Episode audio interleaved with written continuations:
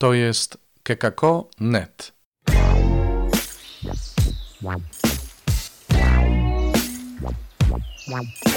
Poranny suplement diety.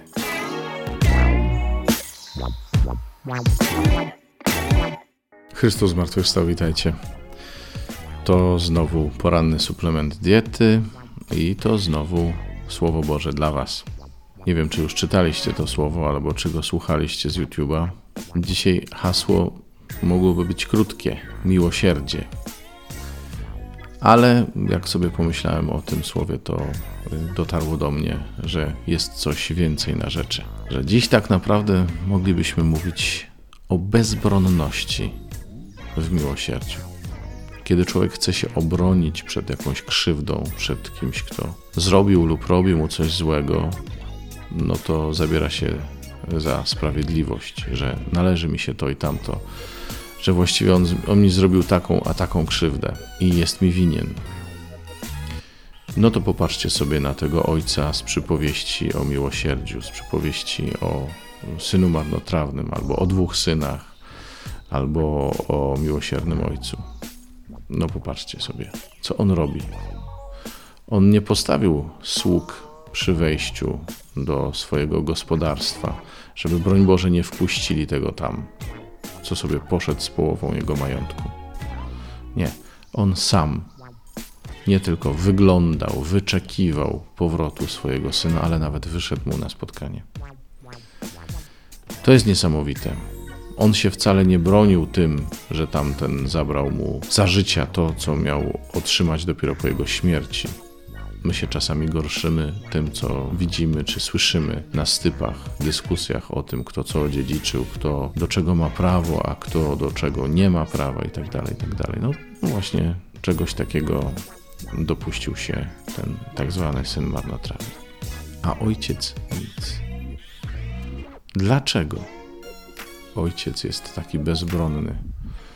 Dlaczego nie może postawić się temu swojemu synowi? Dlaczego nie może powiedzieć: Dosyć, nadużyłeś mojego zaufania? Dlatego, że go kocha. Dlatego, że go kocha. Wiecie, trochę lat już mam i stopniowo, stopniowo odkrywałem z biegiem tychże lat, że tym, co jest konieczne w miłości, kiedy się kogoś kocha, jest bezbronność. To, żeby pozwolić się ranić w miłości a miłosierdzie jest tym gatunkiem miłości, który przewyższa wszystko, bo wszystko przebacza.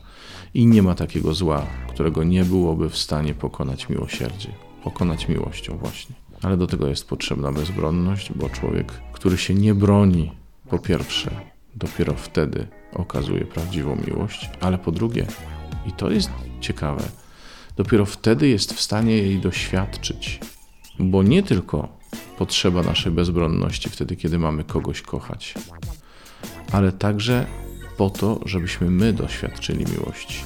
Bo kiedy się bronimy, kiedy nastawiamy się na zło i chcemy się przed nim ochronić, to także nie dotrze do nas miłość, bo jesteśmy zasłonięci, bo nasze myśli są przestawione na tor sprawiedliwości, właśnie.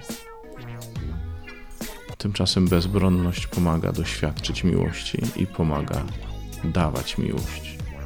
To jest bezbronność, która nie jest słabością, ale jest decyzją. Ja nie chcę się przed Tobą bronić. Ja się nie chcę przed Tobą bronić. Ja chcę Cię kochać.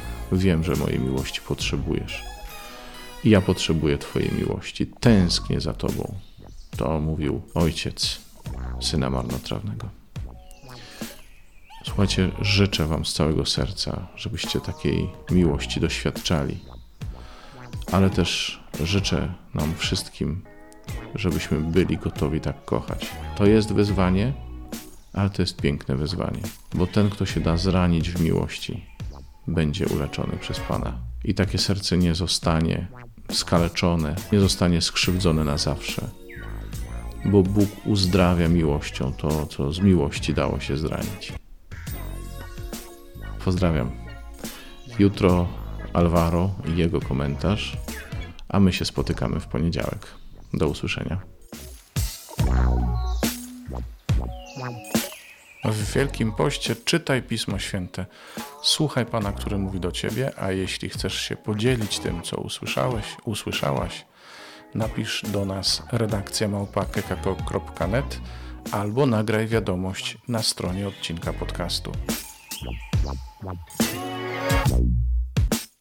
wow, wow, wow.